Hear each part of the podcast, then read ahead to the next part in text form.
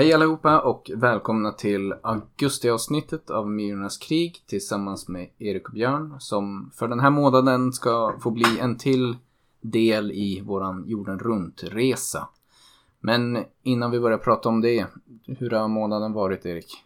Jo, men det har varit en eh, ganska bra månad. Jag är föräldraledig. Kanske för sista gången i mitt liv. Vi får väl se. Och nu håller jag på att skola in Irma på förskolan. Och det är jobbigare än vad man tror. Mm. Eh, lämna ett skrikande barn och så i händerna på Främlingar. Nä, nästan till främlingar. Men man får väl ha tillit. Men det verkar, hon verkar som trivas där och vara en av dem som leker på och hoppar och skuttar och sådär. Så det känns okej. Ja. Eh, att liksom den delen av mitt liv är på väg att komma till sitt slut. Det är lite vemodigt men det är också häftigt.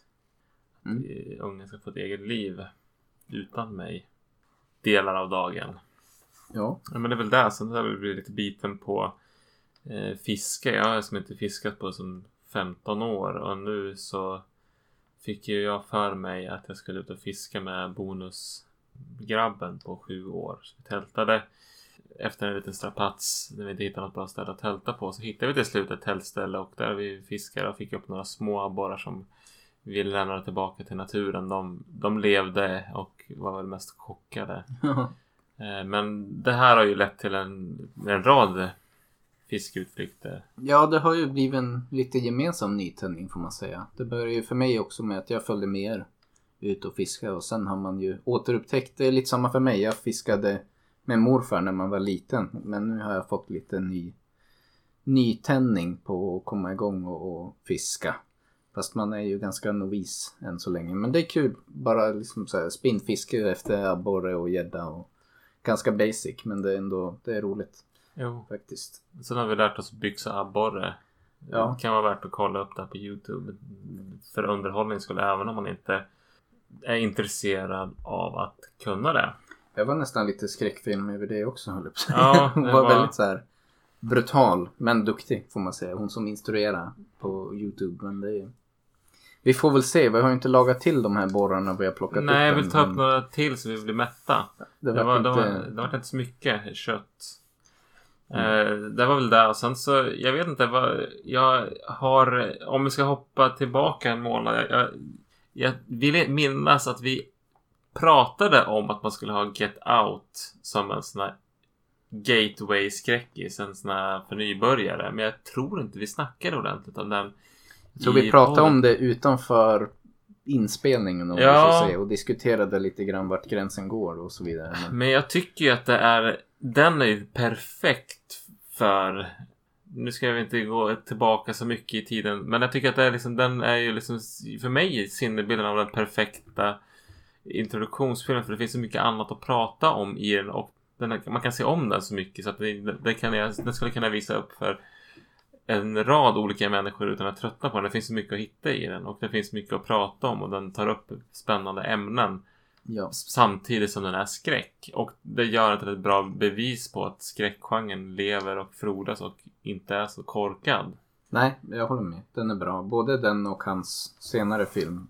Den är ju, hans senare film är ju kanske lite ass, heter den. Det är Ja. ju kanske lite mer mysko på många sätt. Men jag Jo. tyckte den var absolut underhållande också. Han har en, som en bra balans mellan i tonen som gör att den inte blir för jobbig. Men den är heller inte flamsig. Den är rolig och har otäckheter i sig och ja. För den som vill höra mer om det så kan vi plugga vårt första avsnitt av Myrornas krig Nej, faktiskt. vi var väldigt oruttade. Vi, hade, vi har ju, det här är vår första podd så vi kommer ju som inte in i det som poddproffs. Så det hör man i vårt första avsnitt. Ja, men då pratar vi om Jordan Peele och hans filmer. Ja, Ja, nej men annars i månaden har gått lite i fiskets tecken. Semestern är slut för mig nu så jag, man har fått börja komma igång och arbeta. Nu har jag haft en ganska mjuk, mjuk start den här veckan. Men veckan som kommer då ska jag jobba sex av sju dagar och en del natt också så att då blir det lite festligt. Ja, lite tillbaka till verkligheten. Men eh, ja, det känns väl. Det har varit en väldigt bra, kul, trevlig semester. Men som också gör att jag gärna hade fortsatt ha semester. Mm. Men eh, det är väl alltid så, I guess. om vi ska se till skräcktittandet. Lite relaterat till Jordan Peele. Är ju den här Lovecraft Country som är en serie som går på HBO Nordic. I alla fall i Sverige så är det så. Jag har sett trailern på det. Jag såg jag första avsnittet. men- Ja, jag såg första avsnittet. Det är, det finns delar av den i skräcken. Det är CGI-monster som inte skrämmer mig någonting och det är lite så här, ja, med det där. Men fram, det är som ett avsnitt som är ungefär en timme långt. Eh, och jag tycker att det gav ändå mer smak. Jag ger inte så mycket för de här monstren men det finns, eh, ja men det här utspelar sig väl i 60-talets södra USA och det är afroamerikanska afro, afroamerikaner som far runt i södern då som på, det, det är som en roadtrip det här avsnittet och det är jäkligt obehagligt just den här utsattheten de är av Mm. rasisterna Mm. snarare än de här monstren. Så där monstren jag hade var en axelryckning tyckte jag men andra var riktigt obehagligt och sen så Ja men det, det är trevliga karaktärer som känns sympatiska. Och det är liksom Det börjar lite i, jag tror det är Chicago själva avsnittet börjar i och det är liksom en ganska härlig fest där de spelar musik och har det trevligt som jag liksom, det var en miljö som jag ville vara kvar i. Så det var absolut, det känns välgjort och jag ska med spänning se vidare och se om den här lever upp till den hypen som har varit runt den. Men hittills är jag inte besviken. Även om skräckmonstren är lite generisk CGI-monster. Jag kanske får ge det en chans då. Jag tyckte när jag såg trailermaterialet så... Jag tyckte inte nödvändigtvis att det såg ointressant ut men jag tyckte inte att det såg så Lovecraft ut. Förutom, låt kalla det lite stereotypa CGI Lovecraft-monster. Men när jag tänker Lovecraft så tänker jag också på det här eh, som vi diskuterade i vårt avsnitt med det kosmiska perspektivet och den liksom totala hopplösheten och utsattheten. Som jag tyckte inte kom igenom i trailern men det kanske finns lite mer av det än vad trailern visar. Ja, jag tror det kanske kommer lite mer. Det, Mm. Den jobbar inte, det är inte så snabbt tempo. Det, jag vågar inte säga att, eh, jag skulle inte säga att det var så mycket. Även om det, det kommer ju tentakelmonster i en dagdröm typ. Men Mm. that's it hittills. Men det är liksom det här andra som är mer existentiella. Mm. Nah. Men det är väldigt obehagligt med den skildringen av rasismen. Det var Mm. flera riktigt, eh, tycker i varje fall jag, bra scener runt det där. Sen har jag betat av en annan hypad titel och det är ju Ready or Not som kom. Var en sån här snackis förra året när den kom. Som handlar om en typ en eh, kvinna som ska gifta in, äh, gift in sig i en extremt rik familj som eh, har livnärt sig på, har gjort sin förmögenhet på brädspel, eh, olika kortspel och sånt där. Mm. Och då är det som en tradition på eh, typ bröllopsnatten så ska hon dra ett slumpvis valt kort där det är typ, ja men hon kan få spela schack. Ja. Eller eh, typ ett sällskap, något brädspel eller något, vad som helst.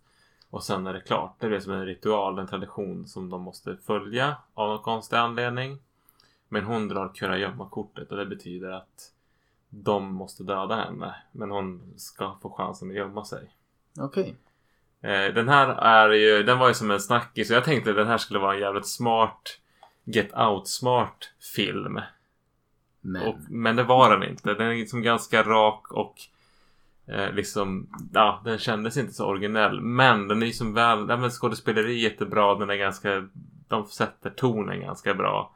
Mm. Men jag kunde liksom känna att, och det är liksom en del gore i det men Ja, den, den, den får en den får godkänt men jag, jag var som lite besviken när det var sån hype om det. Jag tycker det, det känns mer som att hypen med den här filmen var att det var en sån här film som många klarar av att titta på. Ja. Så det, som en skräckfilmsfantast så var det okej men den var liksom, jag tror att, jag, En axelryckning. lite så. Jag såg Ninth Gate med Johnny Depp som var ju... Det var en sån där jag såg på bio när Ja. den kom. Så jag minns inte av den. Och det var också väldigt mycket snack om. För det var Roman Polanski som hade kommit igång igen. Ja, jag var... Får säga att jag var ganska besviken men då kanske det är liksom lite med moderna ögon. Alltså jag tyckte det var en film som lite grann präglades av som med dagens mått mätt ser ut som ganska tramsiga, fjantiga effekter. Att man hade lite grann fått... Eh, det är inte jättemycket i det men det som är är jävligt dåligt med folk som så här svävar fram och lite så här, Som bara man nästan skrattar åt idag. Men det var väl den där, den kom väl under den här epoken som Ja, den här där det var CGI skulle användas väldigt mycket. Mm. Nu har ju inte vi fått några önskemål om att släppa den podden men vi snackar ju om The Haunting remaken i vårt pilotavsnitt som inte finns upplagt än. Ja.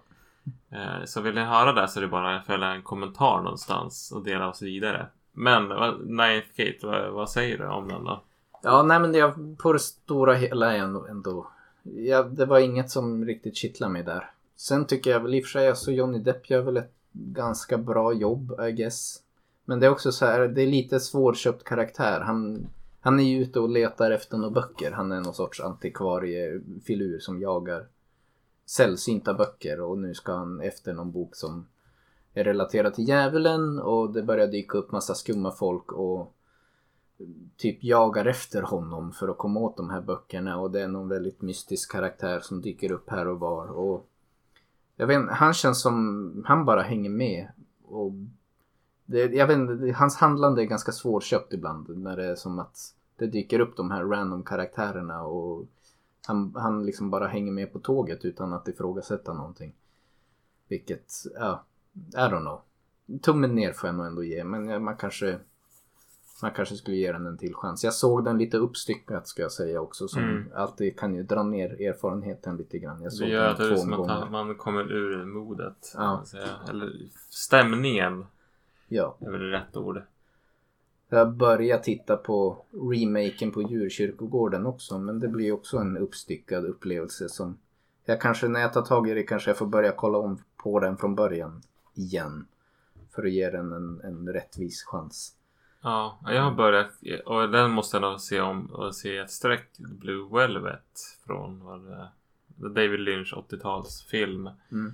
Men den är ju väldigt visuellt snygg. Mm. Och eh, här tycker jag också det här med att ha sinne för klippning och eh, humor. Det är ju liksom Jag kom till ett stycke Det här är väl säkert en väldigt omtalad film men jag var tvungen att säga att det var, det var väldigt obehagligt samtidigt så löste det ut ett skratt hos mig för de pratade, han, huvudpersonen hittar ju ett öra när han är ute och spatserar i en park. Mm. Och sen så blir av han någon konstig anledning så får han gå till så här rättsläkaren med, tillsammans med polisen. Och så säger rättsläkaren ja men det här örat kom nog från en levande person. Och eh, av allt att döma så blev det nog eh, avskuret med en sax. Ja. Och precis efteråt så klipps det till en scen där man får se en klapp, sax klippa någon sån här typ brottsplatsband. Ja. Och det, liksom, det var jävligt obehagligt för man hade precis hade börjat mentalisera hur är det Mm. att få liksom örat avhugget av en sax. Och så klipper en sax. Det var Det fantastiskt bra klippt. stora trauman från min barndom. Jag blev klippt i örat av frisören en gång. Usch. Sen dess är det, jag fortfarande, så går jag till frisören och ska sitta ner när de klipper så här runt öronen. Jag är alldeles dyngsvettig om ryggen efter jag har varit hos frisören. Ja, jag, jag går, nu är inte det därför men jag går knappt till frisör. Jag har väldigt långt och ostyrigt hår. Inte väldigt långt men ostyrigt är det. Mm. I en tofs. Jag råkade ut för någon sån här obehaglig kroppsligt obehag när jag fick en var på förskolan och skolade in. Min unge var ju lite skör och samtidigt så var jag på golvet och så fick jag en sticka in under nageln och den stickan som fastnade där och gick hela vägen upp. Åh. Så att den, jag fick ju som, jag fick ju också så här kallsvettningar och illamående. Jag höll på att svimma och Irma grät. av någon annan anledning. Jag bara shit, snart ska jag lämna henne för första gången. Jag bara, det var nästan för mycket. Det nagelhorror, det är det värsta. Jo, Jag vet inte, det är någon, det kanske är en sån pet peeve som många har men det är en, jag har sett mycket goriga skräckfilmer men jag tycker den enda mest obehagliga scenen jag har sett inom film är typ det är politisk thriller egentligen, Syriana. Där det är någon tortyrscen när de drar ut naglarna på en av huvudkaraktärerna som är fortfarande jag får bara kalla kåren när jag tänker på det. Eh, jo men det är ju så, De så här, eller dels nagelhår men det har ju någonting med att det är väldigt relaterbart till ens egna kropp. Men jag tycker ja men den bästa scenen i A Quiet Place har ju med liksom kan jag lätt föreställa mig att få en spik i foten. Ja. Eh, och eh, i vad heter den här Ready or Not så är det också en som får en spik i handen. Och i Mandy är det också en spik i handen. By the way så tror jag nog att de som har gjort Ready or Not har sett Mm. Mandy. Men Mandy tycker jag är, är ju ett mästerverk i jämförelse. Hur som helst. Det ska vara... Har du sett någon mer film? Nej, jag har förkovrat mig i en till sån här YouTube horrorserie. Det har väl varit det som har varit ganska bra. Hi I'm Mary tror jag den heter. Som var, den är liksom komplett nu. Många av de här små YouTube indie-projekten fissar ju ut liksom halvvägs och slutar ingenting. Men det här är liksom en komplett sammantaget typ en film på säg två och en halv timme. Har du sett klart den? Jag har sett klart den. Som är liksom klipp som är uppladdade under flera års tid men som nu är färdig.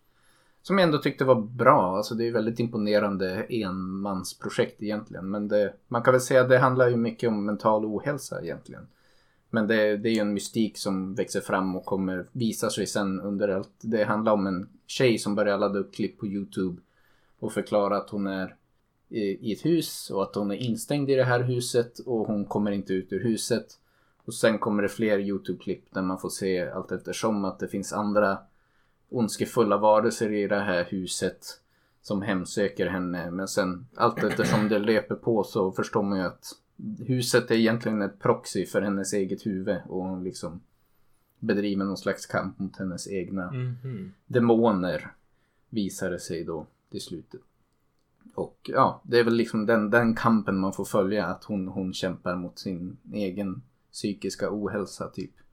Men, men i ett skräckfilmsformat. Som Är det läskigt? Bitvis ganska läskigt. Bitvis lite tradigt skulle jag säga. Alltså det skulle kunna varit en kortare, om vi ska kalla det nu en film där det är som det är en del saker som är liksom bara okej vi fattar poängen nu. Vi behöver inte ha fler klipp med det här monstret som jagar henne runt i huset. Men med ganska små medel ändå välgjort en del ganska otäcka scares och sånt där. Mm. Ja, men jag minns, nu har vi kanske snackat om Marble Hornets lite Mm. grann i Found Footage avsnittet om inte annat. Men eh, det är, jag menar emellanåt är det väldigt bra skräck men det blir också väldigt tradigt för de satsar på att göra det väldigt realistiskt. Så Ja. det blir ju som väldigt mycket så här att Filleravsnitt som Det- inte riktigt leder någon vart. Nej precis, för att man får ju som följa hur en, en, en person liksom lite grann sorterar någon annans handlingar. Eller vad Mm. säga. Men Mm. den tror jag nog ändå jag skulle påstå är en väldigt bra filmatisering av Slenderman. Som är liksom utanför studions Mm. system så kan man göra mer äkta Ja. genuina saker. Jo men absolut. Ska vi fortsätta bocka av? Jag har ju som två filmer till jag bara nämner i förbifarten. Jag såg The Girl Who Knew Too Much. För att Mm. de avhandlade det i min, en av mina favoritpoddar Vacancy.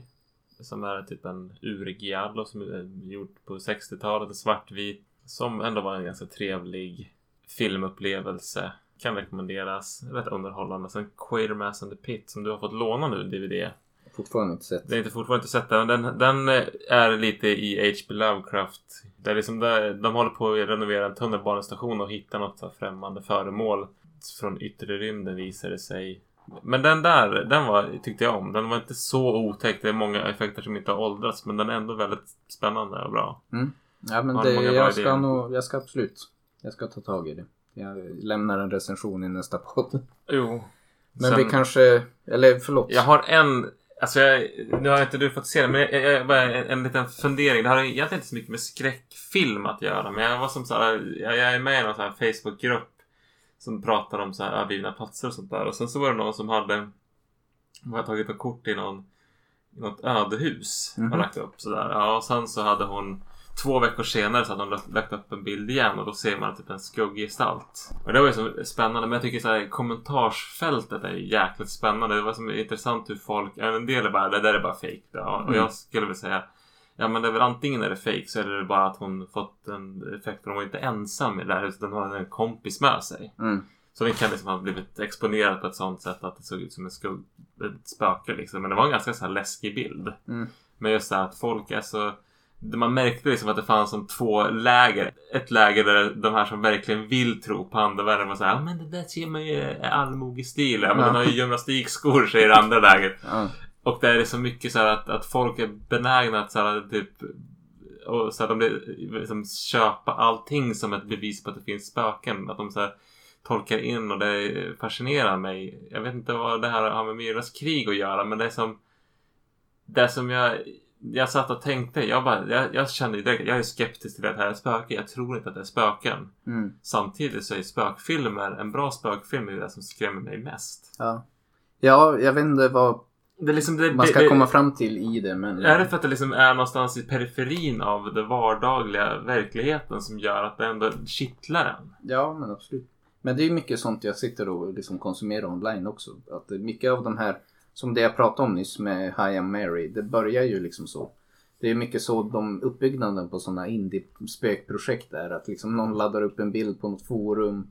Det påbörjas en diskussion och den som har kanske laddat upp originalbilden någonstans spinner vidare på det här och försöker bygga ett liksom större narrativ omkring det. Så att det skulle ju kunna vara den första liksom droppen i hinken av påbörjan på något nytt sånt projekt. Det är ofta så de påbörjas. Att man liksom, Jo och så involverar man folks diskussioner i narrativet i hur man driver fram storyn och så vidare till slut. Alltså så, ja men precis, så kommer den här om två veckor så lägger den här upp någonting annat. Ja, nu ser jag en skugga i mitt sovrum. Titta Ja. här. Ja men typ, ja, men det, det skulle vara spännande om det blev så. Men jag tror att utifrån vad jag läste så tror jag det här bara var att hon upptäckte någon, ett fenomen i sin bild. Mm. Och på ärligt la upp den och undrade vad kan det här vara. Sen så var det många som läste in att det var ett spöke. Mm. Men ibland så upplever jag att en del verkligen bara letar efter det som bekräftar deras tro. Ja. Vilket blir som confirmation bias på något sätt. Och då får man inte säga att det inte är ett spöke eller att det är fake eller att man kommer med en skeptisk förklaring. För då är man en tråkig människa som inte är öppensinnad. Ungefär så. Mm. Nåja. Vi ska ju fara på jorden runt-resan och kvällens avsnitt är ju som ni ser Finland. Vi vänder blickarna österut på, mot Kvarken och bortom den. Naapurista kuuluu se polokanta, jalkani pohjii kutkutti. Ievan äiti se tyttönsä vahtimaan, kyllähän Ieva sen jutkutti. Sillä ei metä silloin kiellot haittaa, kun myö tanssimaan laajasta laitaan. Salilla hipput, tupput, tapput, äppyt, tipput hiljalleen. Ja, men Finland, förknippar du det med skräckfilm? Ja, jag vet inte. Alltså, jag tänkte inför det här avsnittet så kände jag väl att det kanske kommer vara ganska likt svensk film på många sätt. Men jag tyckte väl det kunde kännas kul på det viset att det känns ganska annorlunda från de länder vi har besökt tidigare i alla fall. Jo, I podden. Sen, eh, jag, ja, jag har egentligen dålig koll på finsk filmindustri. Det är inte så jättevanligt att finska filmer penetrerar över kvarken ändå. inte som, så mycket som det borde i varje fall. Sen så har ju Aki Kaurismäki är ju mest kända jag känner till från Finland. Det är ju liksom vad är det han gör som skruvade dramakomedier som har en väldigt speciell ton och ja, de är lite udda i smaken men väldigt roliga oftast. Mm. Och där kanske färgar ja, men mannen, ut, mannen utan minne och moln på drift och sånt där. Det är liksom gärna det kan vara så här romantiska historier som är så otroligt torftiga att det blir roligt. Ja. Och tragikomik och sånt där. Och då tänkte jag liksom när man ska se en finsk, om det nu finns, fin, finns finsk skräckfilm. Så borde det innehålla den här typen, att det liksom någon, man, får, man dömer man i alla finska filmer efter Aki Kaurismäki. Då borde det finnas en, en, den samma typ av som kärva humor. Det, så där tänkte jag, finns den här humorn i eh, skräckfilmerna. Sen så har jag inte hört talas om så många finska skräckfilmer om, innan man liksom sökte aktivt. Eller vad jag säga. Jag, eh, ja, vi pratade ju lite grann innan vi gjorde vårt urval, om man ska säga, om vad man, vad man lite förväntar sig av en finsk skräckfilm. Och då landade vi ju på lite galghumor, vemod och vildmark. Ja. Det var lite, och vi pratade lite utifrån när man såg utifrån filmerna om de liksom träffar av dem. Om vi, våran fördomsprofil om vi så kallar. Men annars rent vad jag konsumerat från Finland, det är väl en del så här lite finsk death metal typ. Annars är det, ja jag har sett, vad heter den här krigsfilmen? Nu tappar jag tråden direkt. Den här med eh, Som är ganska... Okänd soldat. Okänd soldat. Jag såg någon sån där från gammal sån. De har väldigt bra Mm. krigsskildringar. Ja, verkligen. De kan det där. Och sen har jag läst Kollektivt självmord. Som är någon finsk bok. Är det när de också- åker en buss? Ja, exakt. Ja, den här försökte jag läsa. Sen så tröttnade jag på den på slutet. Den har ju också mycket av det här lite torftiga men ändå sköna humorn tycker jag. Så att jag tyckte ändå de var rätt okej. Men det är Jo. typ summan av den finska kulturkonsumtionen jag har gjort. Så att egentligen kanske jag inte hade så jätte... Eller min fördomsprofil var att det skulle ändå påminna lite grann om svensk film men kanske lite... Lite annan klangbotten och med mer humor. Ja, typ så. Nu avbröt jag dig som vanligt. Men sen har man ju som Tove Jansson som har också det här. Det är liksom en estetik och en... Men på något sätt nästan lite självironiskt djup. Mm. Eh, eller reflekterande. Där man liksom funderar, eller inte självironiskt men reflekterar väldigt mycket över sin sina, von, sina som, små neuroser i livet på ett som, finurligt sätt. Ja. Och det kan man också se i Vasas Flora och Fauna som är det senaste stora popbandet i Finland. Som sjunger på svenska, på finlandssvenska. Väldigt... Och då blir det också det här lite skruvade humorn för att det blir som språket blir som styltigt men de pratar, sjunger om Mm. vardagliga saker på ett sätt att det blir, ja. Så det, humorn verkar ju vara någonting vi förväntar oss och hoppas på när vi ska se finsk skräck. Ja. Men Men eh, sen så är det inte så lätt att få tag i finsk skräck på plast. inte så lätt som man skulle kanske kunna tro. Nej. Jag hade hoppats på den vita renen som är en 50-talare men den hittade jag inte. Som handlar om en samisk kvinna som förvandlas till en ren. Som en blodtörstig ren. efter att ha varit hos shamanen. Och sen Mm. Månskenssonaten som är från 80-talet ska också vara bra. Men den har jag som jag sett på olika fora på nätet. Men den gick inte heller att få tag i. Jag hittade på Youtube en otextad finsk. Lite väl jobbigt. Det blir lite jobbigt. Ja. Så, vad, vad, vad, vad, landar vi i för filmer? Ja, i slutändan så landade vi i Sauna. Som kändes ju ändå... Den, den hade jag ändå på min radar redan innan vi hade bestämt avsnitt. Ja. Att här borde man se. Och det kändes ju så jävla finskt. I alla fall på titeln. Jo, Och så hade vi i Bodom. Lake Bodom. Lake Bodom. Och jag, det, som jag, jag, det, det klingar ju på ett sätt som man tänker på Sodom. Mm. Så, det är liksom, men, man, så man kan få lite falska förhoppningar. Ja, Men eh, hur som helst, Lake Bodom. Lake Bodom. Jajamän. Eh, den första saunan från 2008. Den säljs också under titeln Evil Rising. Då är ju Sauna en bättre titel tycker jag. Ja, mycket trevligare. Evil Rising känns otroligt generiskt. Ja, verkligen. Och eh, Lake Bodom. Det finns också en annan Bodom-film som är mer found footage. Som inte tror jag är släppt på samma Mm. sätt alls. Ja, Bodom är ju ett väldigt känt olöst brott i Finland. Men vi kanske går in lite mer på det när vi fördjupar oss i den filmen. Utan jag tänker att vi kanske helt enkelt ska ta oss an den första filmen. Om vi då ska följa våran kronologi som vi brukar så är det Sauna.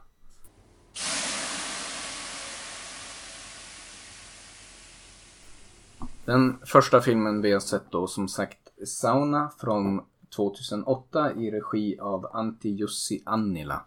Eh, den här filmen handlar om, ja vad ska man säga, slutet på 25-årskriget mellan Ryssland och Sverige. Då det är en delegation från Ryssland och Sverige. Fast den svenska delegationen innehåller ju då både finnar och svenskar men som på något sätt ska arbeta tillsammans för att göra upp gränserna efter den här konflikten. Ja, de drar de nya gränserna i...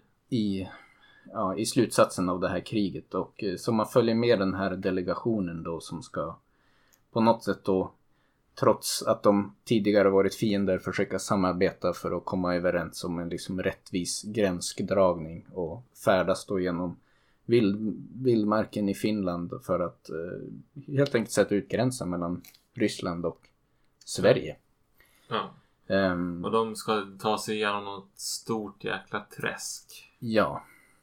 Och hela den här filmen öppnar ju med att den här svensk-finska delegationen då begår vad vi väl kan kalla ett krigsbrott utan att vi behöver gå in så mycket djupare på det. Och det blir också sen ett centralt tema för filmen att eh, de här karaktärerna förföljs lite av, av det de har gjort och hemsöks lite av det de har gjort under filmens gång. Och det är väl egentligen det kan man säga. Som Precis. är filmen i korthet. Det kommer att dyka upp en sauna. Det kommer att dyka upp en sauna ja. Eh, och den eh, dyker upp i en by. Det är inte så mycket det, det kan ändå ha en viss betydelse för de, det, det är där den här saunan är. Ja. Titelsaunan. Precis, jo de pratar ju i filmen om bastun då, eller den finska saunan som ett, ett, en plats där man kan gå in för att rensa sig från sina synder. Man, de, det är mycket liksom symbolik och nästan religi- religiositet som diskuteras i, i Jo, man får också lite grann följa person... Det här är ju på fem slut, andra halvan av 1500-talet. Man får ju följa personernas vidskeplighet och tro. Lite grann på samma sätt som i The Witch. mm, Som är liksom den närmaste filmen som kommer till hands när om man ska hitta en jämförande film. mm, Eh, Eh, men saunan är, man kan få syndernas förlåtelse där inne utan att man behöver be en bön. Ungefär så för att man tvagar sig där. Jag får ju säga right off the bat att jag älskade upplägget i den här filmen. Att dels med det här brottet de begår men nästan framförallt med den här delegationen av då forna fiender, ryssar och eh, svensk-finskar om vi nu säger som på något sätt då ska samarbeta i en ganska tuff, karg, utsatt miljö för att försöka slutföra det här uppdraget. Det, liksom, det finns väldigt mycket spänningar och eh, liksom Ja, intressant spänn- dynamik redan där. I gruppen så finns det, ja, man märker att det finns en under ytan så finns det väldigt mycket mer än vad som berättas i filmen. Men man anar att det är både det ena och det andra har de gått igenom redan. Och nu kommer de in i den fönstret som filmen är. Mm. Så har de en stor ryggsäck med händelser bakom sig. Och nu händer allt som händer här. Men det finns mer. Mm. Mer än vad som möter en. Och liksom bara en miljö som, alltså okej jag har sett filmer som utspelar sig i skogen förut men just det här liksom Skandinavien 1500-tal, det är inte, man har inte sett mycket skildringar av den tidseran. Eller Nej. tidsepoken som jag tyckte också bara var väldigt intressant att Ja, se. men det är väldigt spännande och äventyrligt på något sätt. Ja. Så att den, eh, ja jag vet inte, jag tyckte de, hela upplägget för filmen gillade jag mycket och det var mycket som de gjorde bra där i fånga den här miljön och fånga liksom stämningen av att vara där. Man får nästan lite såhär Carl von Linné-känsla ungefär när han var uppe och skulle göra upp kartorna över Norrland. Och liksom. Jo, men det är väl liksom det som är ja, men den stora styrkan med filmen. Man får, man får verkligen den känslan av Ja, det var det så här arbiträrt det gick när man drog gränser. Och, Ja.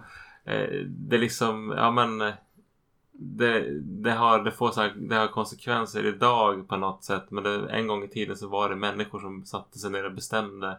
Och de har ju lite skulle- roliga diskussioner där också med det här stora träsket de går in i till slut. Så är det ju en diskussion där innan att det är liksom bara, men fan, Skit vi, vi skiter i det här, vi sätter gränsen där och så får det vara liksom. Ja men om det nu skiter i det här då kan vi få hela träsket Ja. ungefär. De så här gnabbas om det men så det slutar med att de ändå går igenom det. Men eh, någonstans någon gång i tiden så är det ju säkert delvis så det har gått till liksom. Ja, för det är ändå inte utan umbäranden som man måste ta sig igenom dessa marker. Men det har jag liksom tänkt när jag varit och vandrat i fjällen. Liksom, att här har det gått människor och dragit de här eh, vandringslederna. Där, där har någon bestämt att gränsen till det här landet är. Och Mm. så vidare.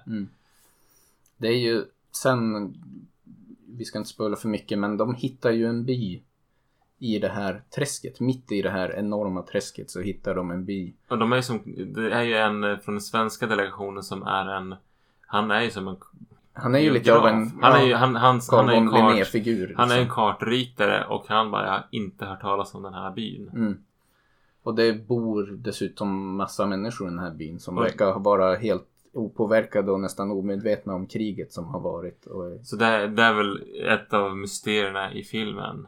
och där höjs ju också, vad säger man, the stakes lite grann. Att det var, från början var det kanske ingen som brydde sig så mycket om det här träsket. Men när det började dyka upp att okej, här finns en by, här finns människor som vi kan beskatta. Då blir det ju mycket mer intressant och lite mer hård förhandling om vart gränsen ska gå också. Så att det finns hela tiden den, ja man ska man säga, spänningen som bubblar på i bakgrunden mellan de här två Mm. delegationerna som ändå behandlar varandra respektfullt men man förstår att det här är, det här är bittra fiender egentligen. Som har tvingats in till att samarbeta med varandra. Och särskilt ledaren om man säger för svensk-finska delegationen förstår man ju att han har väldigt mycket bagage från kriget. Jo, en väldigt sammansatt figur som hittar på dumheter emellanåt. Ja. Ehm, ja, men vad ska vi säga om den här filmen förutom det här? Jag, tycker ju att den här, som du säger, den är väldigt spännande um, premiss. Mm. Och den låter inte så skräckig, premissen. Men det är ändå en skräckfilm. Ja, absolut. Den har, men det, det känns lite grann som att man har Vi har en, en, en film där vi befinner oss i en annan tid i en vildmark. Och sen har man liksom pressat ur saften ur en klyfta skräck Mm. och, i den här drinken. Det, den känns inte jätteskräckig hela tiden men den har skräckmoment som får plats i filmen för att det är en del av deras tro Ja. på något vis. Alltså jag säger inte att skräckelementen inte existerar i den världen filmen existerar. Men ja, de berättar filmen som om deras tro var sann.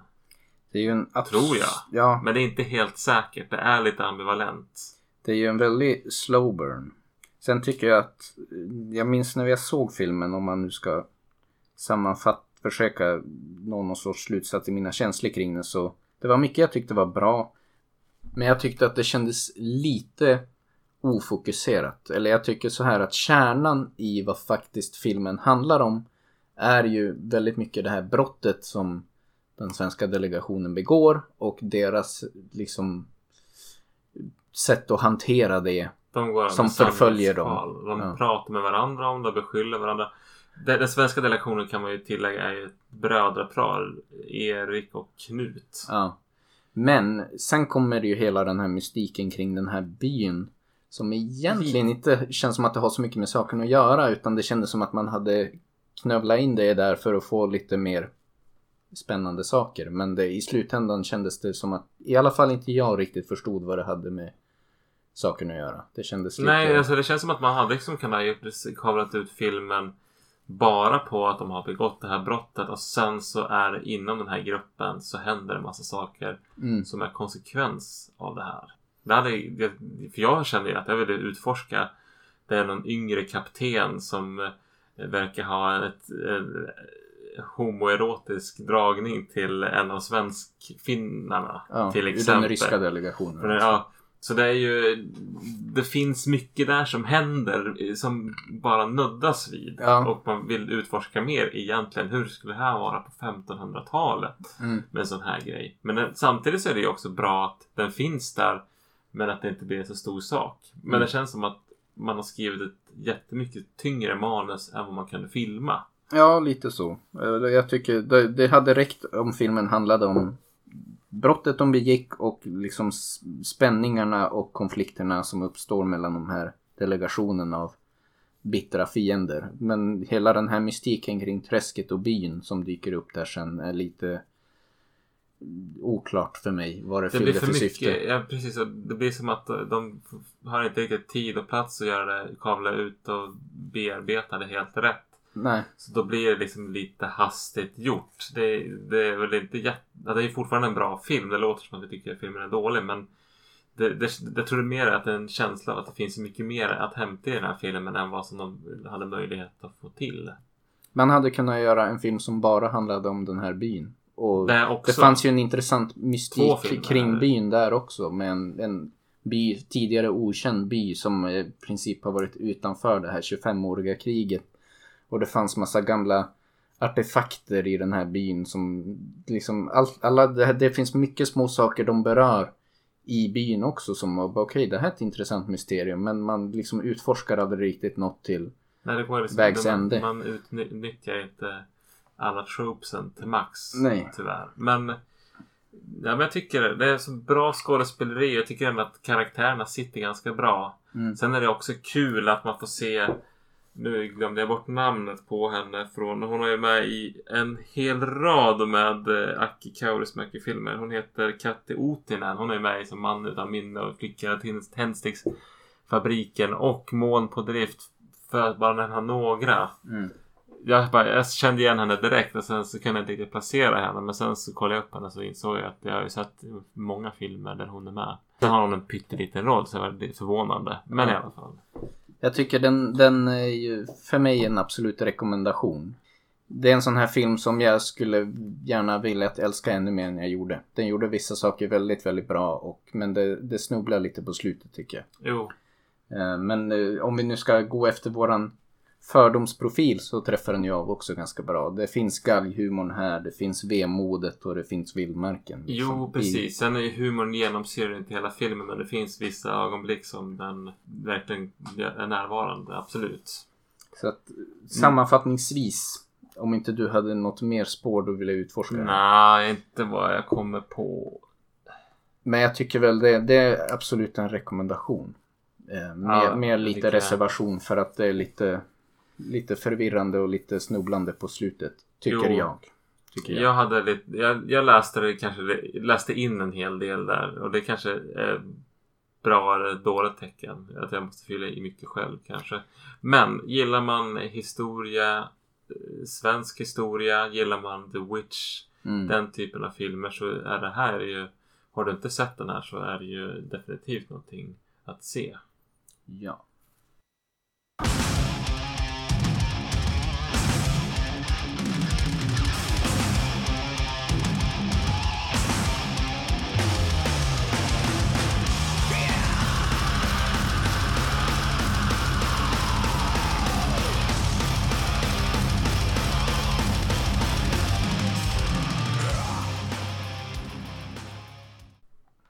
Film nummer två är Bodom från 2016, regi Björn. Uh, Tanneli Mustonen. Ja, jag fick inte slakta det namnet idag. Men Bodom, Bodommorden 1960-tal. Det var som några ungdomar som kampade. Tre dog, en överlevde med hjärnskador. Och man har väl aldrig riktigt hittat den skyldige. Nej, jag försökte läsa lite online och det verkar ju finnas mycket populära teorier och men mycket, den som överlevde är väl en av de misstänkta men det har florerat några andra misstänkta genom åren också och till och med varit någon av rättegång men det är aldrig någon som har blivit fälld för de här morden. Nej. Men hur som helst, där vi ska ge oss in i filmmässigt är inte någon skildring av det som hände. Nej. Och det här tycker jag är väl lite smaklöst på ett sätt att man gör en film ändå som är av den här karaktären som är gjord. Som går ut på att det är ett gäng ungdomar som ska åka till mordplatsen och tälta. Det är två ynglingar som lyckas övertala typ två skolkamrater eller tjejer från skolan Mm. som de känner att följa med ut. Och utan att de egentligen vet om det här tjejerna så ska de här killarna ge- genomföra någon form av rekonstruktion av morden för att försöka pröva någon teori som den ena av dem har. Ja. Det är premissen och eh, ja, när de då åker ut i obygden och slår upp det här tältet så ja, det, bör, det utvecklar sig till en slasherfilm Ja. kort och gott. Och eh, det är en ganska tunn soppa till manus. ja, verkligen. För det är som att det förklaras inte riktigt vad teorin är som ska prövas med den här rekonstruktionen och det är väldigt korkat upplagt. Jag tror ju liksom... Hur de ska göra det här med sina kompisar. Ja. Ja, men nu ska vi knarka med dem typ. Det är, så, det är så sjukt långsökt så här hur de här killarna har tänkt att få med tjejerna på den här premissen att nu ska vi leka mord liksom. Sen tror jag av att också ha läst lite om Bodomorden att den här, det är ju en av de här killarna som är lite creepy och väldigt så här inne i hela krimgrejen och vill liksom återskapa det här som jag tror premissen att han har någon teori om att det kunde inte vara den här fjärde personen som överlevde som gjorde morden och vill försöka bevisa det på något sätt att det måste funnits en till person på platsen. Varför han vill göra det är lite oklart. Hur han har tänkt få de andra att ställa upp på det är ju lite oklart också. Då de helt och hållet lurar ut dem på liksom falska premisser. Ja, och så ska de också ha, liksom, han har tagit, packat med sig några badkläder. som Tidstypiska är- badkläder för att liksom göra det så äkta som möjligt som han ska försöka prångla in dem i då och få ställa upp och vara med och leka mord. I don't know, det kändes weird. Ja.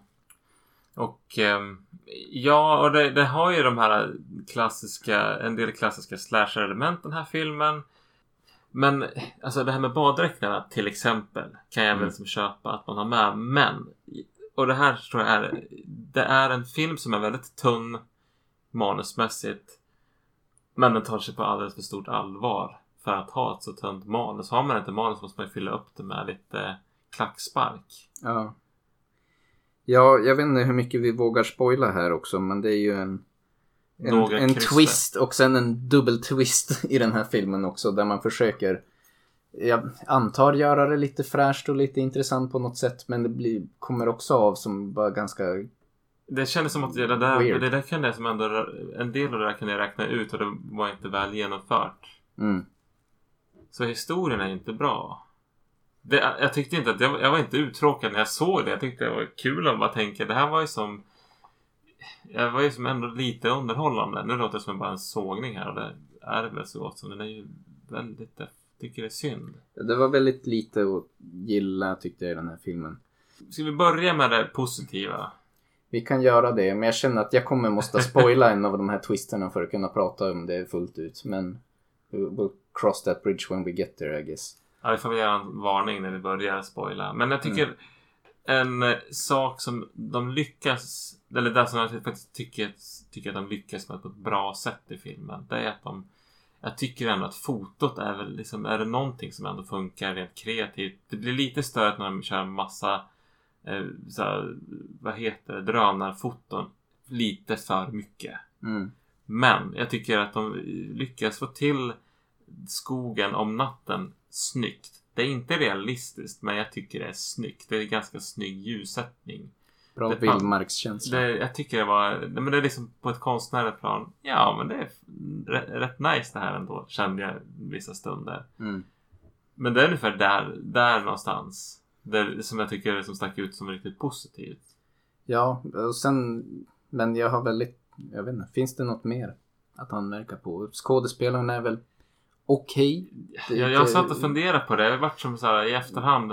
Så här, det är någon halvkänd rappare som heter Michael Gabriel. Mikael Gabriel. Mm. Han var väl okej. Men sen så tycker jag så här. De här Final Girlsen tycker jag var. Det hade jag svårt att sympatisera med. Han där creepiga från skolan kändes som att han inte fyllde ut någonting. Han var ju bara en träpinne som var där i tältet och det hände som inte... Han gjorde ju ingenting. Nej, Han tillförde ingenting till sin roll. Det var inget spännande alls där. Han var bara... det var väldigt svårt att köpa deras relation också. För den här rapparfiluren och den här creepy guy skulle väl då föreställa någon sorts kompisar på något vis. Jo. Men det fanns inte så mycket kemi där om man säger så. Nej. mellan de två. Och sen, okej okej nu kommer en spoiler alert här. Ni får skippa, säg 30 sekunder om ni inte vill få någonting spoilat. Men twisten som kommer sen då är att anledningen att de här tjejerna har ställt upp på att följa med ut är för att de är egentligen de som har tänkt mörda de här killarna. Och det är liksom en ganska weird twist. Det går ju att köpa det lite mer så tillvida att man förstår varför de ställer upp på alla de här dumheterna de kommer på pojkarna för de har sina egna liksom dolda motiv. Men jag vet inte. Alltså det finns ju någon poäng. Hon har blivit utsatt för någon form av mobbing i skolan och därför har de bestämt att nu ska de här dö för de tror att det är de som ligger bakom. Det Men var sen- som ganska tunt och svårköpt ja, också. Ja, men varför ska man göra en sån sak? Ja. Jag, jag skulle säga så här, som du var inne på innan. De tar sig själva på för stort allvar. Skulle de kunna sälja in det här på ett sätt som man hade kunnat svälja det? Och, Åh, vad sjukt att skruvat där. Då hade jag köpt det. Ja, men de försöker göra det ändå till en allvarlig film. Men det går liksom inte att ta det på allvar. Och sen återgår de ju med en dubbel twist där det också finns mer traditionella slasher-element som kommer in på slutet. Lite grann helt i onödan. Känns som padding. Att man bara med, den plotten man först hade inte riktigt kunde fylla ut all screen time. Så då introducerar de ytterligare en karaktär i slutet för att dryga ut filmen lite extra. Ja. Och göra någon biljakt och lite vad det nu var för någonting. Ja, men, och det, det, jag tycker att när man gör... Varför ska man döpa den här filmen till Bodom? Jag tycker det är väldigt smaklöst. särskilt när det gäller ändå ett Det- olöst. Ett olöst fall där det kanske finns riktiga anhöriga. Så gör man det här som är så dåligt. Det är liksom det är utan någon som helst... Mm. Nej, jag håller med. Och det kände jag ju kanske nästan lite grann redan från början. När vi såg den här filmen, när vi skulle börja se den så... Jag, jag visste inte egentligen om Bodomborden. Jag kände igen Bodom för jag lyssnade på bandet Children of Bodom när jag har varit liten. Men jag visste inte någonting mer om det än så. Men sen när man läste på lite förstod att det här är ändå som du säger ett olöst fall med riktiga människor och ett riktigt trauma som fortfarande säkert för många kan vara ett öppet sår fortfarande så kändes det väldigt Ska man göra det här så ska man göra det ganska respektfullt och det gjorde man ju absolut inte i det här fallet.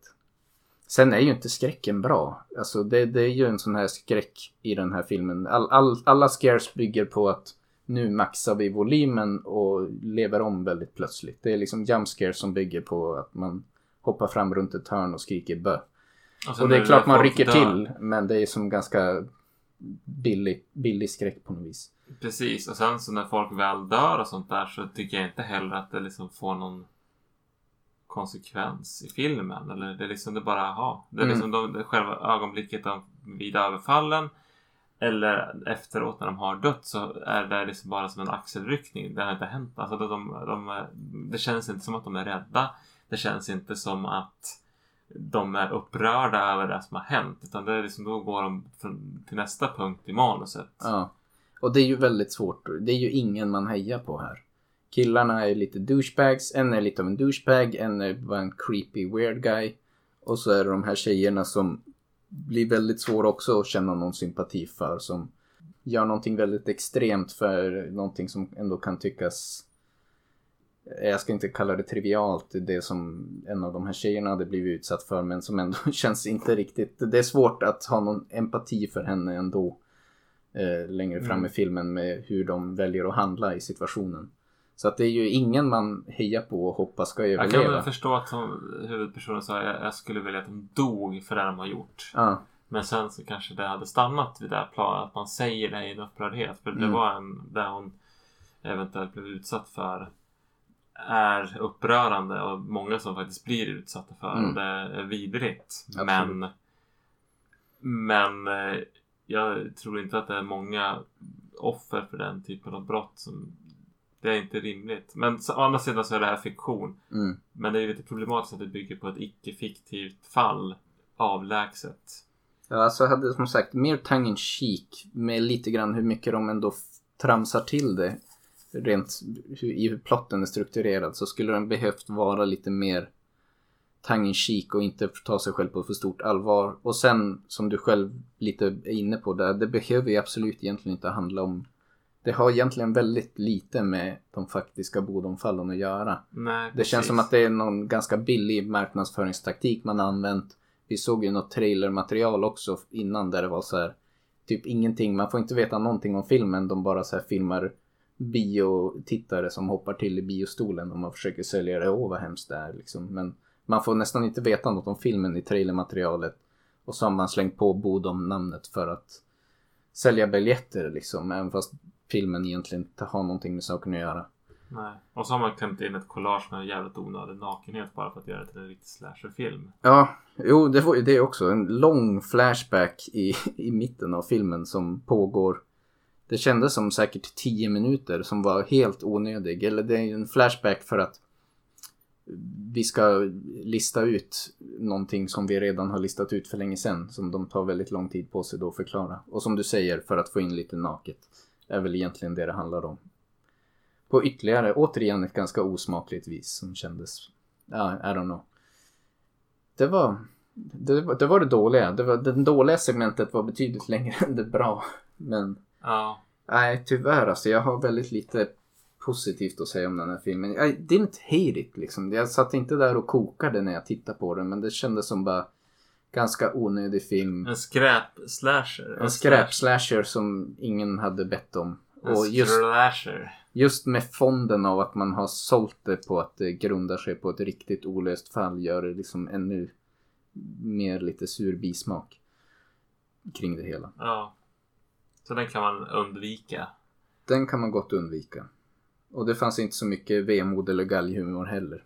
Om man nu ska Nej. återkoppla till det vi Ja, vi tänkte fick- oss om fans Nej, precis. Vi fick lite vildmark, men den här Bodomsjön ligger ju väldigt nära Helsingfors. Ja. Typ i Helsingfors nästan. ja, alltså i filmen får man ju intrycket av att de färdas i timtal långt ut i vildmarken. Men jag tror inte det riktigt är så i, i verkligheten. Nej. Men eh, ja, jag, jag har tyvärr kanske inte så jättemycket mer att säga om den här filmen. Den är inte så dålig att jag har ännu mer saker jag vill nöta ner på men den är som ganska... Hade det bara varit en skräckfilm så hade det varit en axelryckning. Nu är det ännu lite mer smaklöst för att de har grundat det på ett riktigt olöst fall också och gjort det så här mediokert och trist och liksom klyschigt på något vis. Det är inte, det är inte, fotot är okej men det är inte, det är så långt det sträcker sig ungefär. Ja, det summerar väl Ja, intrycket av den här filmen. Nu har jag den här i min hylla. Jag vet inte om det är någon som hör av sig hit och fortfarande vill ha den så kan man få den gratis mot att jag får ett frimärke. Nej, bara för en adress så kan jag frankera det själv. ja.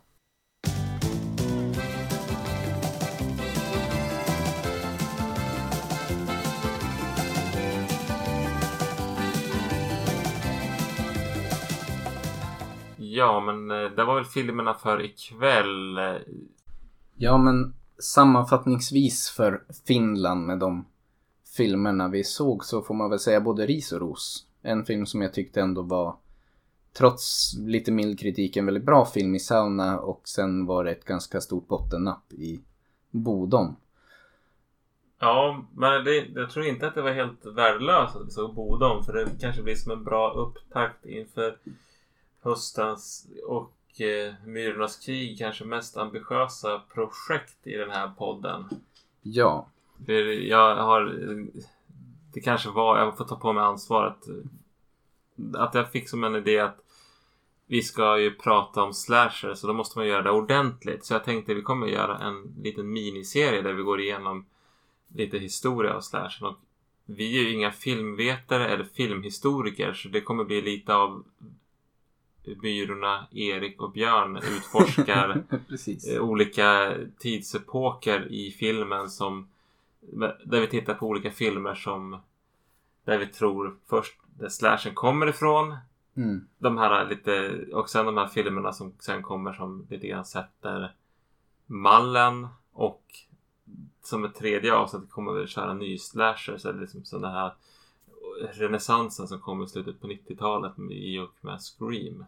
Ja, jag tror ju att det blir, alltså vi ligger tidigt i projekteringen här. Vi får ju se lite hur, hur mycket content det blir men spontant tänker vi oss att det kommer att bli nog en triss. Ja, triss av avsnitt innan vi känner att vi har avhandlat det på ett rättvist sätt. Ja, så det kändes som väldigt maxat och spretigt när vi körde den här found footage specialen. För det var ett långt avsnitt och ändå känner jag... Man hade mer man ville ha Äh, sagt och mer jo, man ville ha precis. tittat på och så vidare. Och slasher-genren är ju som en sån här... Grundsten. Jo, precis. Det är den mycket där folk tänker på när de tänker på skräck. Mm. Så det är väl det som kommer framgent. Ja.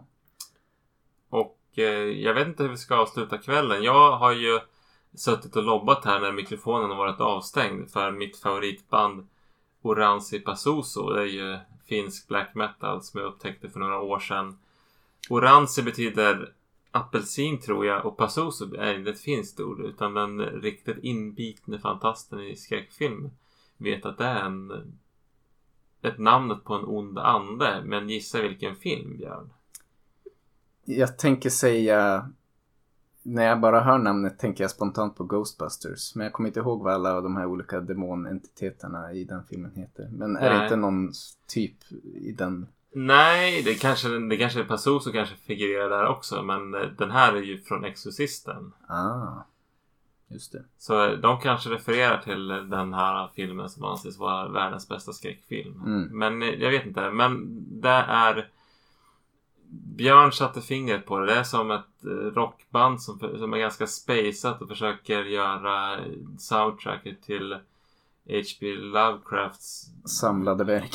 ungefär så. Hans värsta mardrömmar. Ja. ja, men det blir kanske en fin avrundning. Så vi tonar ut lite till tonerna av Oranzo Pazuzu och så får vi väl säga på återseende om en månad igen. Då är det september. Då är det september.